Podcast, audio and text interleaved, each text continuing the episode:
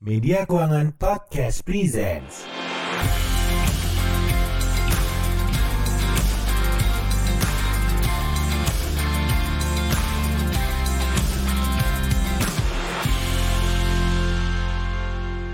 Pandemi tak memilih tempat, baik kota maupun desa sama-sama merasakan imbasnya. Rakyat miskin yang sebagian besar berada di pedesaan pun tak luput dari ujian ini. Pemerintah segera mengadaptasi kebijakan dengan situasi terkini. Pemanfaatan dana desa difokuskan tidak hanya untuk mengatasi dampak pandemi terhadap kesehatan, tetapi juga dampak terhadap ekonomi desa. BLT desa pun segera disalurkan kepada yang berhak demi melindungi keberlangsungan hidup rakyat di desa. Bagaimana pendapat pengamat ekonomi tentang program ini? Simak perbincangan kami dengan Direktur Eksekutif Core Muhammad Faisal.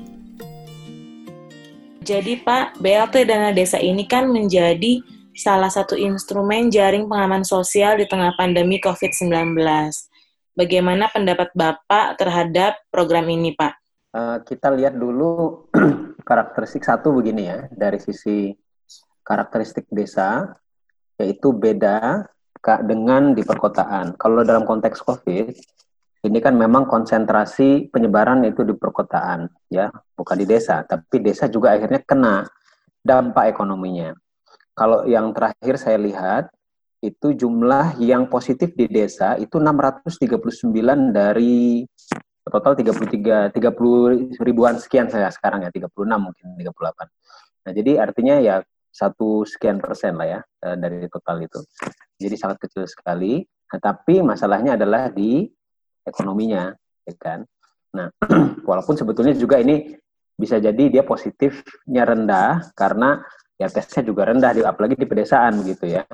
Nah, tapi yang jelas masalahnya di ekonomi. Nah, kalau satu itu. Yang kedua, poinnya adalah eh, masing-masing desa itu punya karakteristik yang berbeda. Itu yang perlu uh, dipahami juga sehingga ini mempengaruhi masalah efektivitas, masalah approach dari dana desa termasuk dana desa yang diarahkan dalam bentuk BLT untuk COVID. Nah, kalau kita melihat jati diri pedesaan, ya ini saya generalisasi dulu desanya ya walaupun macam-macam jati diri jati diri desa itu kan semestinya dia adalah pensuplai pangan ya mestinya dia punya pensuplai pangan sehingga ketika ada masalah dalam hal uh, distribusi ada uh, resesi ekonomi ada wabah ya kemudian mereka harus dikarantina semestinya mereka bisa self subsisten semestinya itu tapi pada kenyataannya tidak begitu banyak yang tidak gitu ya Nah, sehingga di luar permasalahan ini, perma ini kan sebetulnya kita berpikir masih dalam jangka pendek COVID untuk bagaimana cara me me menyelamatkan perekonomian mereka. Tapi ini tidak terlepas dari masalah yang fundamental itu sebetulnya. Jadi kenapa banyak desa yang dia akhirnya tidak bisa self-sustain ketika dapat goncangan ekonomi ini karena berarti dia selama ini lebih banyak juga dia apa menyerap atau bergantung pada uh, produk dari luar gitu ya termasuk pangan itu sendiri. Nah, padahal semestinya kan tidak. Dibandingkan instrumen jaring pengaman sosial lainnya, Pak, kira-kira seberapa efektif sih Pak BLT dana desa ini dapat menyokong ekonomi masyarakat desa yang terdampak COVID-19?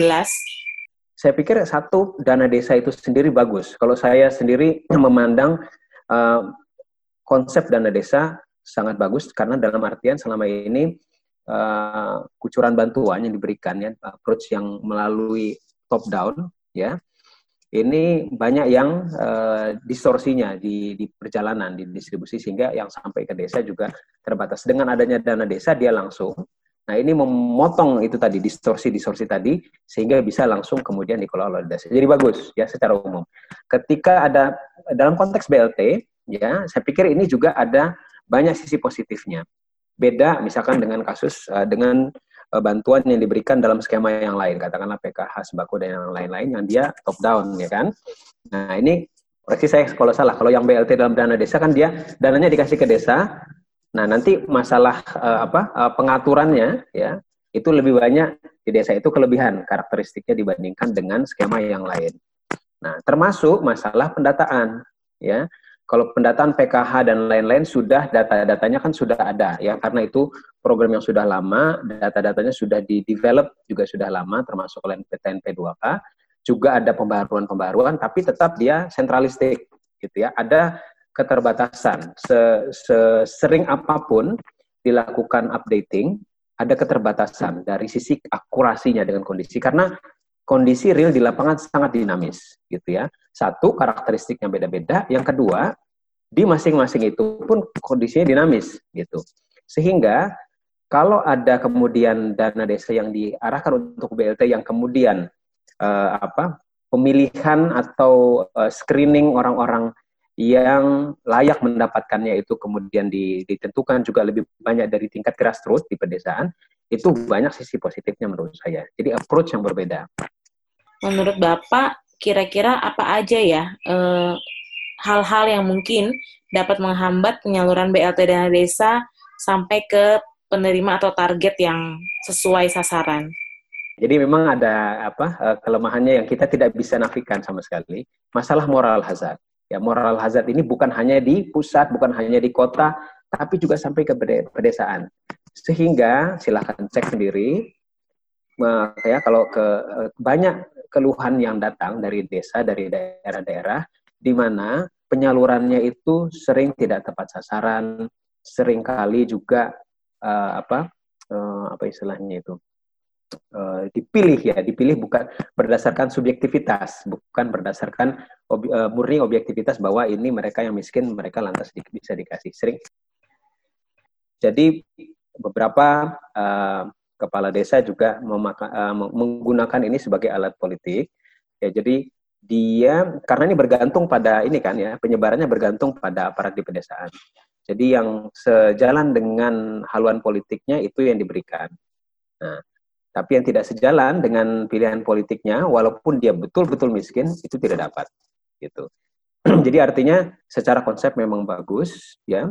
Tapi dalam sisi implementasi sampai kepada distribusi kita perlu banyak melakukan pembenahan di sini karena uh, eh, BLT tadi kelebihannya saya sudah katakan bahwa dia itu bisa di apa di customize sesuai dengan karakteristik daerah desa tapi kelemahannya adalah kita bergantung dari kapasitas dan akuntabilitas para aparat di daerah di desa dan uh, tentu saja kejujuran mereka ya.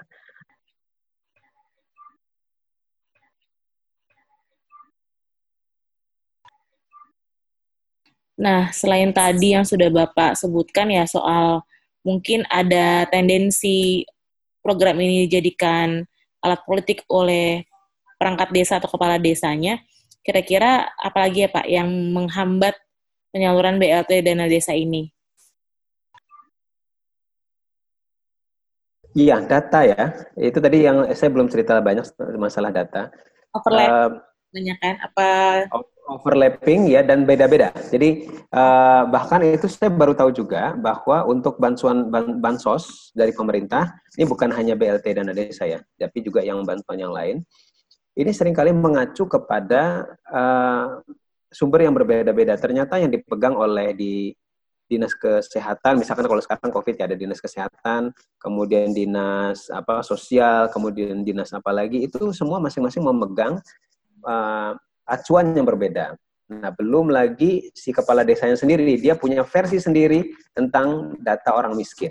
Gitu. Jadi uh, itu yang yang memang menjadi hambatan besar sekali ya untuk untuk untuk memastikan bahwa bantuan sosial yang diangkarkan besar sekali di tingkat pusat ya, uh, efektivitasnya itu berkurang gitu begitu sampai ke pedesaan. Jadi masalah pendataan ini yang memang masih menjadi uh, masalah besar menurut saya. Kalau menurut Bapak, Pak, data itu lebih baik ambil dari mana, Pak? Apakah dari PPS atau dari justru perangkat lurah desanya? Supaya ya. sama semua gitu? Yang penting memang dari sisi verifikasi ya. Jadi begini, kalau kita hanya mengandalkan pada data dari pusat, jelas ini tidak bisa mengcapture dinamika yang saya katakan tadi di tingkat desa. Tapi kalau hanya di tingkat desa saja, ini saya khawatir juga dari sisi verifikasinya. Standarnya apa sih? Itu kan bisa berbeda-beda, ya kan? Padahal kalau kalau kelebihannya di pusat, dia kan ada standar yang sama. Jadi misalkan kalau di bawah ini thresholdnya adalah ini, gitu. Di bawah ini yang di bawah ini tidak, di atas ini boleh gitu. Atau sorry kebalik. Nah jadi uh, itu yang kelemahannya kalau hanya mengandalkan dari grassroots, grassroots dari bawah. Nah jadi saya pikir harus satu kombinasi. Jadi awal general uh, general rule-nya dari dari awal pusat sudah punya ini data, gitu ya bahwa yang berdasarkan tadi uh, kriteria dan indikator yang sudah ditetapkan seragam. Hmm. Nah, tapi kemudian begitu sampai di desa, saya pikir atau di daerah ya harus terbuka juga dengan masukan gitu. Tapi masukannya ini juga harus diverifikasi karena masukan itu kita khawatirkan itu tadi sifatnya subjektivitas dan dan lain-lain sebagainya. Jadi ada fleksibilitas dalam hal distribusi karena kita menyadari bahwa uh, data yang ada di pusat ini belum bisa mengcapture dinamika yang ada di daerah. Jadi uh, untuk itu perlu ada menerima masukan dari entah dari kepala desanya atau dari para daerah yang lain gitu ya dan tapi yang jelas ada verifikasi. Kenapa? Misalkan dia oh karena ini dan dan kita memang perlu ada uh, cek dan recheck. Itu memang kerja yang tidak gampang ya. Uh, tapi itu untuk memastikannya saya pikir dengan cara seperti itu gitu ya. Jadi artinya kalau kemudian kita menganggarkan bantuan sosial itu memang jadi yang porsi besarnya bukan hanya dinilai bantuan sosialnya itu sendiri, tapi juga mengalokasikan untuk dari sisi uh, tata kelola distribusi untuk memastikan itu tadi. Nah, gitu. Jadi uh, maksud saya itu dalam dalam pola pikirnya ya. Jadi itu juga harus menjadi porsi yang cukup besar gitu karena untuk memastikan dia efektif. Karena percuma saja kalau seandainya fokusnya di bansos yang besar, tapi kenyataannya kalau efektivitasnya rendah, nah itu dikhawatirkan jadi malah jadi apa e, dampaknya kan jadi e, rendah ya jadinya. Jadi harapannya dananya bukan hanya untuk bansosnya, tapi juga mungkin evaluasi di, uh, di akhir, di awal juga ya Pak ya. Betul. Dan sekali lagi kalau untuk desa yang seperti saya katakan di awal, paradigma yang harus di apa di dipahami bahwa semestinya desa itu bukan pasar, ya bukan hanya dianggap sebagai pasar. Jadi yang diberikan dana bantuan yang misalkan uh, asalnya atau sumbernya itu dari lain, dari tempat lain, ya atau apalagi kalau dari luar negeri, dari impor. Nah, itu harus di apa kita berdayakan karena ini kan kita berharap satu desa itu dia makin lama makin maju ya ke depannya bukan hanya mengandalkan bantuan. Nah, sehingga dia semestinya bisa self subsisten terutama untuk yang basic needs ya untuk pangan karena kan dia di desa hmm. masyarakatnya ag agraris apa uh, pertanian. Nah kalau bantuan yang diberikan itu pangan yang semestinya mereka bisa produksi.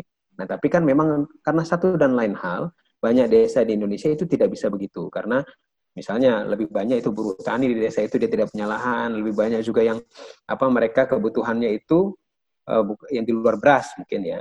Nah terutama ini yaitu tadi karakteristik desa kan beda-beda. Nah, ini mereka tidak bisa produksi. Tapi kalau seandainya itu dilakukan pembinaan, itu mereka bisa. Sehingga ketika ada misalkan uh, sekarang karantina wilayah karena ada COVID, ya paling tidak mereka bisa mencukupi kebutuhan sendiri untuk pangan gitu. Kan itu yang basic needs gitu. Kalau memang yang lain-lain memang tidak bisa karena mereka harus apa mendatangkan dari kota misalnya. Nah, tapi tadi pangan semestinya mereka bisa apa um, mencukupi diri sendiri sehingga dengan uh, artinya begini program itu tadi yang saya katakan dia bisa dikaitkan dengan uh, pemberdayaan ekonomi desa apa yang diberikan dalam oleh BLT kalau dia bentuknya adalah uang ataupun bentuknya adalah uh, langsung barangnya bahan pangan nah itu pastikan dikaitkan dengan usaha desanya hmm. gitu tadi kan bapak sempat bilang BLT Desa itu program yang bagus ya pak apakah ya. mungkin mungkin uh, teman-teman kor atau bapak mungkin dari kajian ada nggak sih mungkin program lain yang mungkin di desa selain BLT dan desa mungkin yang bisa justru lebih efektif gitu pak? Kalau yang existing, yang existing, saya belum melihat ada yang lebih bagus ya. Tinggal masalahnya itu sebetulnya bukan apa ada program lain atau tidak, tapi program yang sudah ada, saya pikir itu diperbaiki dari sisi uh, uh, ya dari sisi ininya lah, dari sisi konsep konseptual program uh, bukan konsepnya maksud saya itu uh, implementasi yang ada dalam program tersebut dan dalam hal distribusi dan dalam hal kelembagaan ya jadi masalah kelembagaan jadi program apa pun maksud saya mungkin kita bisa menciptakan satu program yang lebih bagus misalkan dibandingkan BLT dana desa. Tapi kalau dengan kelembagaan yang sama, institusi dan orang yang sama, saya pikir itu efektivitasnya juga akan sama pada akhirnya. Jadi memang masalahnya itu lebih banyak di sini. Terakhir nih Pak, adakah harapan Bapak terhadap program BLT dana desa ini? Harapan saya sebetulnya banyak ya, tapi begini, saya tahu Kemenku ini eh, kan dia hanya memprovide dari sisi dananya, ya, tapi kesuksesan daripada program ini ini memang sangat banyak dipengaruhi oleh institusi-institusi yang lain. Nah, sehingga harapan saya itu sebetulnya menyadari bahwa antara satu lembaga, satu stakeholder dengan yang lain itu mereka menentukan kesuksesan daripada program ini sebetulnya. Gitu ya. Jadi masalahnya bukan hanya seberapa besar stimulusnya gitu, so, apa apa apa programnya, tapi bagaimana antara satu aktor dengan yang lain itu bisa menyukseskan program dengan nilai yang ada seperti sekarang. Itu jadi harapan saya itu karena banyak masalah sebetulnya di situ gitu ya. Gitu. Jadi um, banyak orang terjebak juga dari sisi nilai gitu. Wah ini stimulusnya segini nggak cukup gitu ya. Tapi masalah terbesar menurut saya bukan di situ. Lebih ke sinergi ya Pak ya, sinergi ya, data tadi ya, yang betul, betul sekali. Ya. Baik Pak, ini tampaknya udah banyak terjawab tadi satu pertanyaan. Ternyata lo sudah menjawab sampai ke belakang. Pas saya lihat pertanyaannya sudah terjawab sama bapak semua. Makasih banyak ya Pak waktunya pagi ini. Sama-sama semua, ya. Semoga Bapak sehat-sehat terus ya Pak. Ya, amin. Semuanya mudah-mudahan sehat semua. Salam ya. Oke fans, itu tadi diskusi kami dengan beberapa narasumber. Semoga bermanfaat dan jangan lupa cari tahu lebih banyak di majalah media keuangan yang bisa kamu baca di www.kemenq.go.id atau kamu bisa klik di bit.ly slash